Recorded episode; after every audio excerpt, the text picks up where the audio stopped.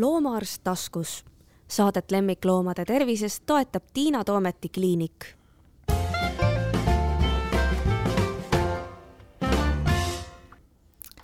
tere, tere päevast! Aleksander Semjonov, Maaülikooli loomakliiniku juhataja, jah? Just. nii on sinu ametinimetus. sa juhatad siis nii väike kui suur loomi, ma saan aru, või? jaa, põhimõtteliselt äh, loomakliinikus on nii-öelda kolm suuremat osakonda, ehk siis äh, väikeloomakliinik, produktiivloomakliinik ja hobuste kliinik ja põhimõtteliselt on meil selline osa nagu metsloomakliinik ka olemas mm. -hmm. no nii, nendest patsientidest me hakkame kohe rääkima, aga meie tänase mm, podcasti teema on valu sellepärast et eh, kui ma siin kaks nädalat tagasi Kaie Ohmaniga rääkisin onkoloogiast, siis tärkas meil selline mõte, et valu on väga aktuaalne ja sellest tuleks rääkida. ma küll andsin lubaduse, et kohe järgmises saates, aga järgmine saade oli sõltuvalt sellest, et vahepeal oli ülemaailmne veterinaariapäev, siis me tegime sellise üldisema saate ja nüüd ma olen sind siis saanud kätte su, mille üle mul on väga hea meel, sest minu meelest oled sa lõpmata kusagil Aafrikas või jumal teab kus aga nüüd oled sa Tallinnas ja meie saates ja, ja, ja me räägime valust kohe annan sulle sõna, lihtsalt ise natukene heietan siia ette ajalugu. kui mina lõpetasin kaheksakümne kolmandal aastal ähm, äh, siis tollase Eesti Põllumajandusakadeemia ja me tegime kirurgilisi operatsioone, siis meil ei räägitud valuravist midagi. et ainukene asi, mida meil tõesti kasutati, oli siis selline lokaalanesteesia ehk siis lokaalne tuimestus, et kuulaja ka aru saaks siis lõikejoonele, kus me siis nahka läbistasime, aga mingit pärast, mingit operatsiooni, valuvaigistit või midagi sellist, mitte midagi ei toimunud ja vanad arstid veel ütlesid selle peale niimoodi, et ei ole neil mingit valuvaigistit vaja, et hakkavad veel hüppama ja kargama ja haav läheb lahti. ma näen juba, et su silmad lähevad suureks ja hirmunuks, eks ole et sa ilmselt ei kujuta ettegi sellist elu. see hakkas muutuma, ma mäletan, eelmise sajandi lõpus, meil oli esimene loeng, mille korraldas üks ravimifirma ja tulid, rääkisid meile post- ja preoperatiivsest ehk siis opieelsest ja opieelse järgsest valu vaigistamisest ja me olime natuke sellised, et no räägi, räägi, räägi. aga ma olen ennast muutnud, ma usun kõike, mida sa mulle räägid, nii et räägi meile valust. no põhimõtteliselt äh, nii valuravi üldiselt kui ka kogu anestesioloogia on suhteliselt äh, uus teadus, et äh, me räägime sellest, et et kogu anesteesia, anestesioloogia on umbes sada kuuskümmend aastat vana ainult. ehk siis see käib inimese kohta ka, eks ole? inimese kohta ka mm -hmm. ja kui me vaatame ka ajalukku, et esimene lõikus, kus inimene, patsient magas, oli ka enam-vähem sada kuuskümmend aastat tagasi, sada seitsekümmend ja äh, loomade kohta kindlasti, isegi kui mina olin üliõpilane, ega meie ka väga palju seda valuõpet äh, ei saanud, sest äh, jah, täpselt samamoodi oli arvamus, et kui sa ei vaigista valu loomal, siis vähemalt ta rahulikult istub enda puuris või põrandal ja ta ei vigasta ennast, mis on muidugi täielikult vale, aga noh, tol ajal oli selline arusaam valust. kui me lähme päris algusesse, et äh, ülikooli inimesena ma tahan kogu aeg äh, igat asja defineerida, et äh, mis on valu. ja ega tegelikult väga lihtsalt sa ka sellele küsimusele ei vasta. sest see on, tundub, et see on väga lihtne termin, aga mis on selle, selle taga, et me tänapäeval defineerime seda niiviisi, et valu on emotsionaalne ja sensoorne kogemus. et enne, kui sa ei ole seda valu enda elus tundnud, sa ei saagi ütelda, et mis asi see on, et kui sa oma lapsega lähed äh, arsti vastuvõtule ja arst ütleb, et nüüd me peame lapselt vereproovi võtma. ja sa saad aru, et nüüd sa oled hädas, et sa lähed sinna medõe kabinetti ja sa muudkui seletad oma lapsele, et see ei ole valus, see ei ole valus, see ei ole valus eks ole. ja mida sa teed sellisel juhul, sa valetad talle mm, -hmm. sest see on valus. Äh, ja isegi ütleme enne, kui sa äh, sisened sinna kabinetti, et su laps ka saab aru, et midagi on väga valesti nüüd, et miks sa pead lapsevanemana talle seletama kogu aeg, et see ei ole valus.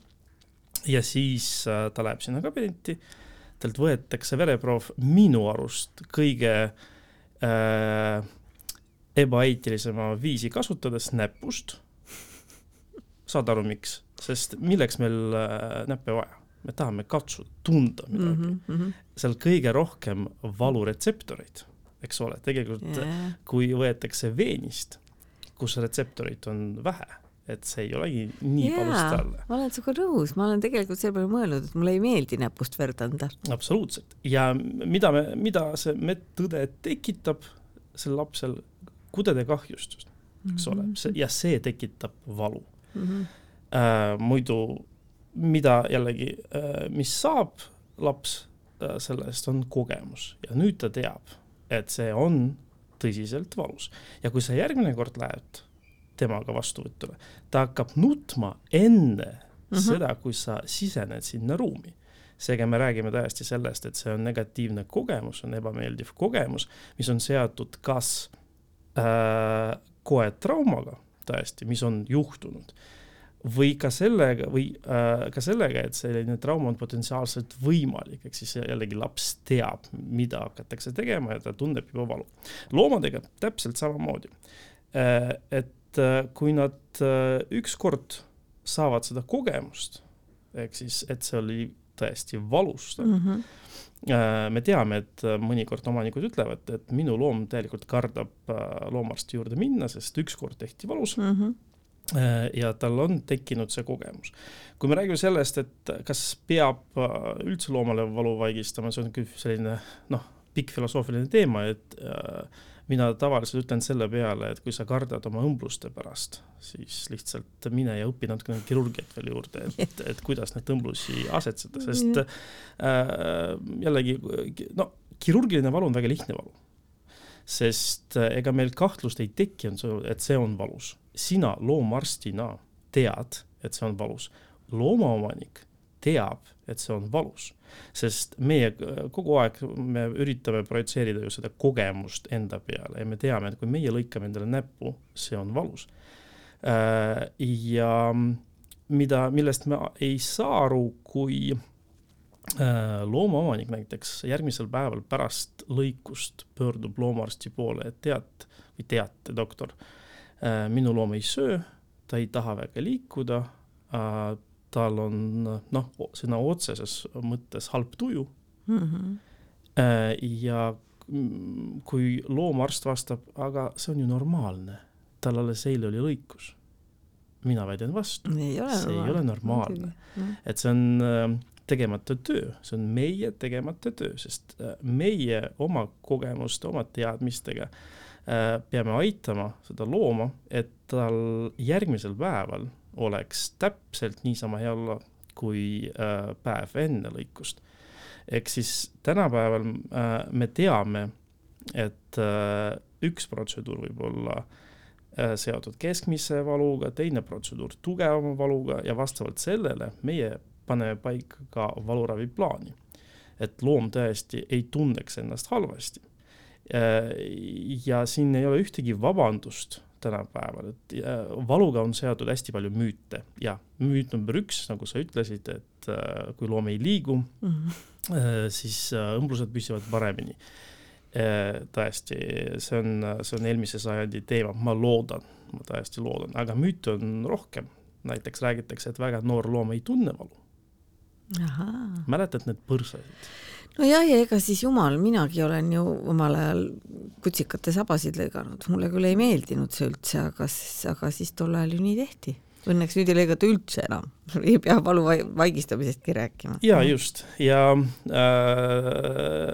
mina eile sain väga huvitava äh, telefonikõne, et loomaomanikult, äh, kes rääkis mulle äh,, et äh, tal on väga vana koer, kellel on probleem südamega ja samal ajal tal on äh, hästi tugev probleem hammastega.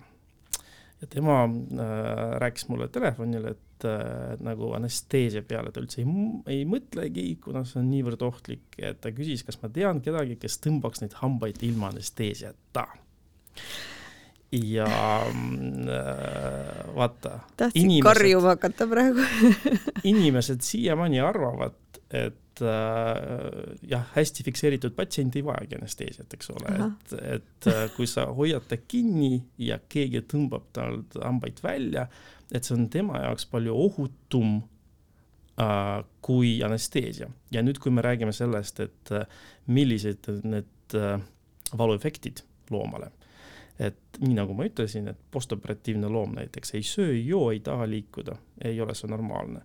aga mis äh, valu tekib, tekitab, tekitab ka südamelöögisageduse tõusu, veresoonte ahenemist äh, ja see tapab sellise südamehaige looma kohe kindlasti ära no.. palju kergem Muidugi. kui anesteesia.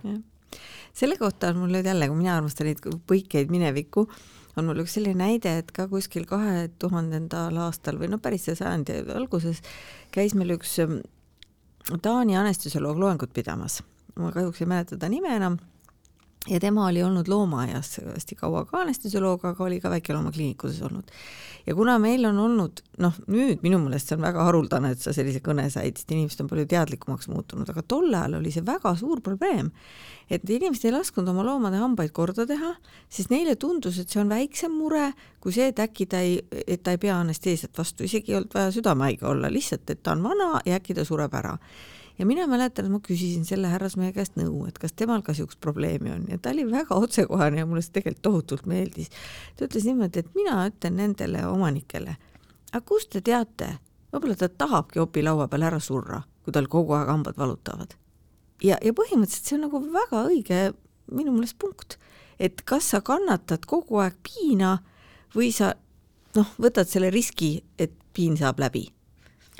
no vaata, sa tuled nüüd selle teise valu juurde mm. ja mis on, ma ütlesin, et postoperatiivne kirurgiline valu on lihtne, et me teame mm, -hmm. et see eksisteerib yeah.. nüüd on see varjatud valu äh,. täpselt nii, et kui sul on hammas, kes valutab, me ei tea äh,, kui palju neid loomi, kes elavad kroonilises valus, kes tunnevad valu iga päev äh,. ma vaatasin äh, äh uuringuid mis näitavad, et umbes kakskümmend seitse kuni kolmkümmend protsenti inimestest elavad kroonilises valus. selg valutab, hammas valutab, põlv valutab, mis iganes. Äh, loomade kohta meil selliseid uuringuid ei ole. kui me lihtsalt mõtleme selle peale, et mis võib juhtuda, on see, et äh, need kassid, kes on üheksa-aastased, kes on kaheksa-aastased, umbes kuuskümmend, seitsekümmend protsenti nendest põevad osteoartriiti ehk siis liigeste põletikku, degeneratiivset põletikku. ja kui selline asi on olemas umbes, umbes üheksakümmend protsenti nendest kindlasti elavad kroonilises valus. ja vot see on äh, keeruline teema, sest loomad ju ei räägi mm. -hmm. ja äh, minu poole pöörduvad kliendid, kes tulevad äh,, näitavad oma looma ja räägivad sellest, et jah, ta ei liigu enam, ta ei taha mängida, ta ei taha joosta, ta ei nagu, ta ei suuda pikkat äh, jalutuskäiku teha. aga ta on ju vana ja siin ma tavaliselt pakun inimestele, et äh, tead, vanadus ei ole ju diagnoos mm,, eks ole. äkki sinu loom krooniliselt tunnebki valu ja on tõesti, tuleme selle küsimuse juurde, aga äkki taha, tahabki lõppude lõpuks ära surra juba. ja äh, ma pakun inimestele, et äkki ma proovin, ma vaigistan valu, ma mm -hmm. koostan teile valu vaigistamise protokolli ja te tulete minu juurde, minu juurde tagasi kuu aja pärast mm -hmm. ja siis räägite. ja siis nad tulevad ja ütlevad, oi doktor, aga nüüd see on hoopis teine loom, kes tunneb ennast jällegi noorena. ja kindlasti siia tulevad kõik ortopeedilised probleemid, kõik liigesed. Äh, küsimused, kas vanal loomal peavad liigesed valutama? ei pea. vähemalt ta ei pea seda valu tundma, tal võib olla probleem, aga ta ei pea nagu kannatama seda valu. hambad on eraldi teema, eks ole, et äh, ma usun, et nüüd vähemalt Eestis on üha rohkem ja rohkem inimesi üldse pöörab tähelepanu sellele, et tema loomal on hammastega probleeme aga mõnikord tõesti meil juhtuvad sellised olukorrad, kus äh, loom saabub äh, noh, näiteks põlvekedre nihastusega. ja mina vaatan ta üle enne anesteesiat ja ütlen, et me küll paneme ta anesteesiasse täna, aga mitte põlvekedre nihastamise korrigeerimiseks. täna me teeme hambaid korda. ja omanik ei saa sellest aru, et oot-oot-oot mm, -hmm, mm -hmm. et äh, ta ei kasuta oma jäset aga miks teie tahate hambaid teha? mina ütlesin, tavaliselt räägin, et ma lihtsalt tean, et need hambad põhjustavad rohkem valu kui, kui põlvekedraniestus. ja jah, ma näen, et täna inimesed rohkem teadlikud sellest, et mis võib, võib olla valu, aga siiski ütleme, anestesioloogi töö välja selgitada, et kas loomal on tõesti valu, kas ta kannatab ja kroonilise valu puhul meie ju kasutame selliseid sõnu, et äkki, võib-olla ja see isegi nagu ei põhine nii palju äh, sellele, et mida loom näitab välja, sest ega loomaarsti juures loom väga mm -hmm. valu ei näita välja, et nad kõik lõpetavad lonkamise ära yeah., eks ole äh,. ja kui mina arvan, et see võib olla valus, siis ma hakkangi seda valu neile ravida ja me vaatame tulemusi, sest ähm, eriti kui sa räägid näiteks äh, onkoloogiast, ega sa Äh, paljude kasvajate korral sa välja ravida neid ei saa. ja mida me saame teha, me saame parandada selle looma elukvaliteeti tema viimastel päevadel, kuudel. Ja kui äh, omanik küsib, et äh, aga ta niikuinii sureb ära. jaa, surebki aga äkki tema viimased päevad oleksid meeldivamad. ega valuravid äh, üldine eesmärk ei ole ju eluea pikendamine. see on elukvaliteedi parandamine. ja just äh, sellega me tavaliselt ütleme, nende krooniliste probleemide puhul üritamegi tegeleda seal on veel üks selline naljakas asi ka, ma ei tea, kas sa sellega ka põrkud vahel. Noh, mina olen seda kohanud justkui on sellised kroonilised ortopeedilised hädad, et tõesti see loom ei saa ilma valuvaigistita, noh, mina loomaarstina näen, et tal on raske, tal on valus, tal on halb ja, ja ta peab saama igapäevaselt ja siis ütleb omanik, et oi, aga doktor, et mis see tema maksaja neerudega teeb, et äkki me ikka ei annaks talle ja siis noh, ma ei taha nüüd küll nii jõhkralt vastata, aga mul on tihti, tihtipeale küll tahtmine, et mis te siis nüüd tahate, et ta sureb teil valudes, aga väga ilusa ja terve maksaga. et mis see, mis see selle looma seisukohalt see talle annab, et me peame selle riski ilmselt võtma ju sellisel juhul, eks ole ju, ja noh, muidugi on valikuid ka, et mida me kasutame, aga, aga, aga, aga ma ei näe üldse alternatiivi, et, et me valu ei vaigista. vaata, oli üks väga huvitav uuring mm -hmm. läbi viidud ja mina kogu aeg refereerin sellele ja viitan mm. -hmm. äh, oli võetud uuringus, kui ma ei eksi, peaaegu kakssada kassi ja äh, kuidas neid võeti, mille järgi on see, et neil oli krooniline neerukahjustus koos osteoartriidiga, sama mm -hmm. kassi, no ja. sisuliselt jah, kuue, seitsme, kaheksa aastased mm -hmm. kassid ja pandi valuvaigisti peale. küll äh, valuvaigisti oli madalas doosis, aga äh,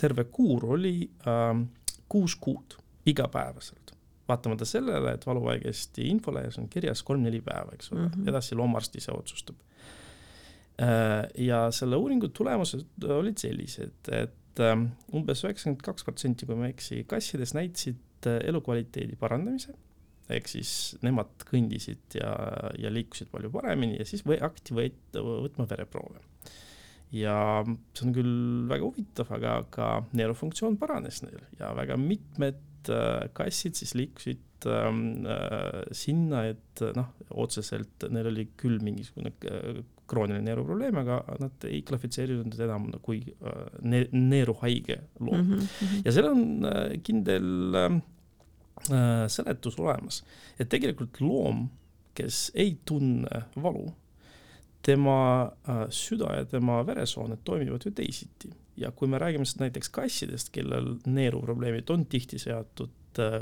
kõrge vererõhuga ja see kõrge vererõhk võib olla seotud kroonilise valuga, eks ole, kuna valu tekitab veresoonte ahenemist. kui loom on äh, valuvaba, tal tõesti ei ole enam äh, sellist äh, tugevat kõrget vererõhku, eks ole, ka neerud tunnevad ennast paremini. ja täpselt nii, nagu sa rääkisid, et äh, mõnikord ma tõesti seletan omanikule, et mina ei pikenda tema eluiga. ma küll üritan olla võimalikult säästlik neerudele, maksale ja ma kontrollin nende funktsiooni, et äh, ma nagu otseselt ei, nagu meelega ei taha kahjustada mm -hmm. nende tööd, aga kui ma valin valu versus äh, koormus neerudele ja maksale, siis ma äh, ikkagi valin äh, valu vaigistamist. no seal peakski inimene nagu ennast panema selle looma rolli, eks ju. et kui talle antakse valik, et mida tema siis valib, sest noh, seesama see hamba näide, et, et see on ju tegelikult nii isekas et ma, ma kardan, et ta sureb ära, seepärast et mina siis kannatan, tema on surnud. aga tema tegelikult ju siis enam ei kannata, kui ta on oma haigete hammastega ära surnud seal selle opilaua peal, noh, nii kurb kui see ka ei ole.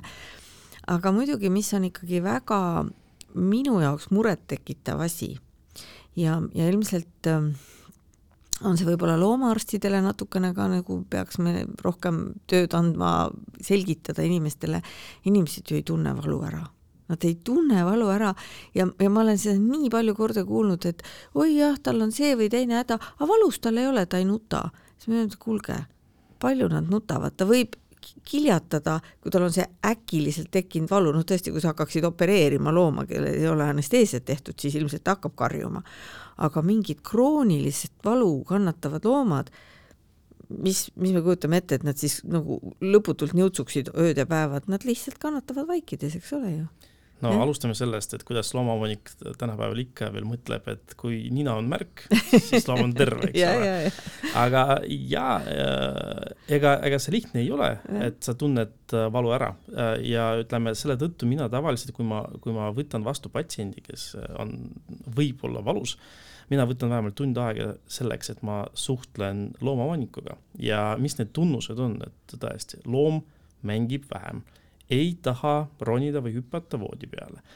järsult muutub agressiivsemaks teiste loomade suhtes, pereliikmete suhtes, üldse tema käitumine muutub. tal muutuvad söömisega seotud harjumused, et ta sööb teisi asju, ta sööb pehmeid asju, mis viitab tihti hambaprobleemi peale ja kindlasti valule Äh, ehk siis, äh, kui te näete mingeid muutusi, sest ta, ta tõesti, ta ei karju mm -hmm. ja loomad varjavad, eriti kassid yeah. varjavad valu. kui te näete midagi, mis on lihtsalt täna teisiti ja ega mina loomaarstina ei saa visiidil aru, et yeah. loomal on, on, on valus. mis ma saan teha ja miks, ütleme, kui, kui äh, teie loomaomanikuna tulete äh, valuarsti juurde, miks me hakkame kõiki uuringuid läbi viima, kaasa arvatud röntgen, ultraheli, äh, vereproovid, kui me leiame midagi, mille kohta me teame, et see tekitab valu mm, -hmm. siis me hakkame seda valu vaigistama. ja juhul, kui me seda hakkame tegema ja kuu aja pärast te tulete äh, ja ütlete, teate, aga nüüd ta mängibki rohkem, ju tal oli valus sellega. ehk siis jällegi see on selline äh, töö ja äh, näiteks kui minul on patsient, äh, kes äh,, kes on diagnoositud mingisuguse probleemiga, mis tekitab tal valu, mul loomaomanik täidab igapäevaselt ankeeti oma äh, selle loomapäeva kohta. Ja tegelikult loomaomanikule tihti see väga meeldib, et nad tunnevad, et nad teevad midagi ka selle heaks. mul oli üks huvitav juhtum siin eelmine sügis, ma sõitsin oma maakoju ja meil on seal selline pikk tee, kõrval on siis kergliiklustee ja ma nägin seal ühte naist koeraga jalutamas. ja kuna seal peab üsna aeglaselt sõitma, siis ma vaatasin, et issand, see koer hoiab ühte jalga, et ta no kohe on näha, et ta ei toeta selle jala peale. ja noh, eks ma olen ikka ka peast loll loomaarst ja pidasin kinni ja rääkisin selle naisega, ütlesin, teate, et kas te olete märganud, sest tegelikult see võib jääda märkamatuks, ta kõnnib sul kõrval sa ei vaata, sa, sa vaatad ülevalt alla, sa üldse ei näe seda niiviisi. ja see oli nii tore, sellepärast et ma muidugi vabandasin, et ma niimoodi sekkun nende ellu, aga see naine pärast tuligi välja, et oligi meie kliiniku patsient. aga ta oli tohutult tänulik ja ütles, et oi, tõesti, ma ei, ma, ma, siis me veel tegime nii, et mina võtsin rihma enda kätte ja siis kõndisin ja ta vaatas kaugemalt ja ütles, oi kui hea, et ma pidin pikale jalutuskäigule minema, et ma loomulikult nüüd ei lähe, et ja, ja siis ma ütlesin, et ma olen nagu mingisugune napakas, kes korjab tänavalt omale patsiente, aga ma saatsin ta ortopeedide juurde, kuna mina ise sellega ei tegele ja ja noh, selles mõttes nagu selline noh, tore ja positiivne juhtum, aga tõesti väga hoolikas, tubli loomaomanik. Ja ta ei pruugi märgata just sellepärast, et ta lihtsalt, ta lihtsalt ei näe, sest et see nurk, kus ta seda looma vaatab, on teistsugune. Absoluutselt. Ja ta võib-olla tõesti harjub sellega, et, et noh, kuidagi jah, kõnnak on selline, kusjuures väga huvitav äh, asi, mis, millest sa just ütlesid, et jah, ma just tahtsin pikemale jalutuskäigule minna, aga nüüd ma ei lähe uh. -huh. ja minu jaoks on alati huvitav ja kui, kui loomaomanik täidab ankeeti, ma tavaliselt panengi kirja, et mitu kilomeetrit tema loom sunnib kõndida mm -hmm. ja kui ta paneb kirja, et seitse kilomeetrit on okei okay,, kui üle selle, siis hakkab lonkama või viskab ennast pikali. ja omanik teeb järeldust, et seitse kilomeetrit on maksimaalne distants, mida loom kannatab jalutada. Äh, mis tegelikult ei ole väga õige. see on see punkt mulle, mida ma hakkan hindama tulevikus, kui ma hindan, kas loom tunneb valu või mitte. et kui ta kuu aja pärast või kahe kuu pärast suudab jalutada kaheksa, üheksa kilomeetrit, siis ongi meie valu vaigistamine toimib hästi kui äh, ta ikka seitsme kilomeetri peal, siis me ikkagi hakkame muutma selle valu, valuvaigistamise protokollis, et äh, mina, ma arvan isiklikult, et äh, miks nad ei taha kõndida, on jällegi see varjatud valu, nad ja. enam ei, ei jõua lihtsalt ja,. jah, jah. ja seda tõesti, noh, nad ei märka, kõrvalkõndides teinekord kõnnib taga, omanik marsib ees ja siis see vaene. või sõidab rattaga oi jumal, no sinna, neile ma ei jõua järgi, aga siis, kui kõnnib omanik ees ja koer taga ja ma näen, et ta kõnnib halvasti, ma, ma tõesti, ma olen selle koha pealt väga tüütu inimene, nii et, et ma kargan juurde ja, ja, ja sekkun, aga, aga no jälle, ma arvan, et see on tähtis, sest nad enamasti ju ei ole, nad ei taha oma loomale halba, nad lihtsalt ei märka ja meie peame nende tähelepanu juhtima sellele. absoluutselt ja, aga jällegi meie teadmised lubavad meile seda teha mm, -hmm, eks ole mm. -hmm. ma kogu aeg räägin, et no jällegi, kui loomal on luumurd, see on arusaadav mm, -hmm. et ta on valus ja omanik täiesti kiirustab mm -hmm. kliinikusse, et nüüd äh, tehke midagi mm. -hmm. aga kui loomal on hambakivi, kui loomal, mis on õudne tegelikult, kui loomal on kõrvapõletik, kui palju meist on seda kogenud ja see on väga valus mm -hmm. ja kõrva, kõrvavalu on üks täiesti yeah. Kõige, kõige keerulisemast valust meie teame seda, kui palju omanik selle peale mõtleb. Äh, täiesti liigeste probleemid, et äh, juhul, kui ta on selline vanur mm., kuue-seitsmeaastane loom, võiks ortopeedi vastuvõtul ära käia ja lihtsalt, et ortopeed vaataks üle, ega tal täiesti kroonilise liigese põletikku ei ole. kõik sellised asjad tõesti tekitavad valu, millest me ei tea midagi. no jällegi kasvajatest teil oli juba juttu ja ma ei hakka nagu äh, ka Kaiet kordama, et äh, kasvajad on valulikud ja nad vajavad äh, täiesti valuravi. ja väga tõsist valuravi, ka amputatsioon on ju ka võib-olla täitsa ja, valuravi osa, jah. aga jällegi, kui loomaomanik ise ei näe ja ka loomaarsti vastuvõtul ei käi, siis kahjuks tõesti need loomad elavadki kroonilises valus. ja elu teeb veel keeruliseks natuke ka see, et kui me ise noh, pea valutab või kuskilt siit valutab, siis võtad kapist rohtu või lähed ostad apteegist, eks ole. noh, me ei pöördu ju oma iga väikse valuga arsti juurde, aga veterinaarias on ikkagi niimoodi, et et need ravimid, millesse mina isiklikult nagu usun, mis on veterinaarsed, need valuvaigistid, need on ju kõik retseptiravimid et neid ei saa ka niisama anda ja jumal hoidku selle eest, et inimesed annaksid neid inimestele mõeldud käsimüügiravimeid loomadele, sest noh, mingi nii, nii tavaliselt kõlav, nagu see ibuprofeen on, sellega me võime põhimõtteliselt ju kassi ja koera ära tappa, eks ole. Nii et, et siin on jälle natuke see asi teeb mm, äh, loomaomaniku elu keerulisemaks, et et isegi kui ta aimab, et on valu, siis ta tegelikult ikkagi ju peab loomaarsti poole pöörduma, eks ole ju.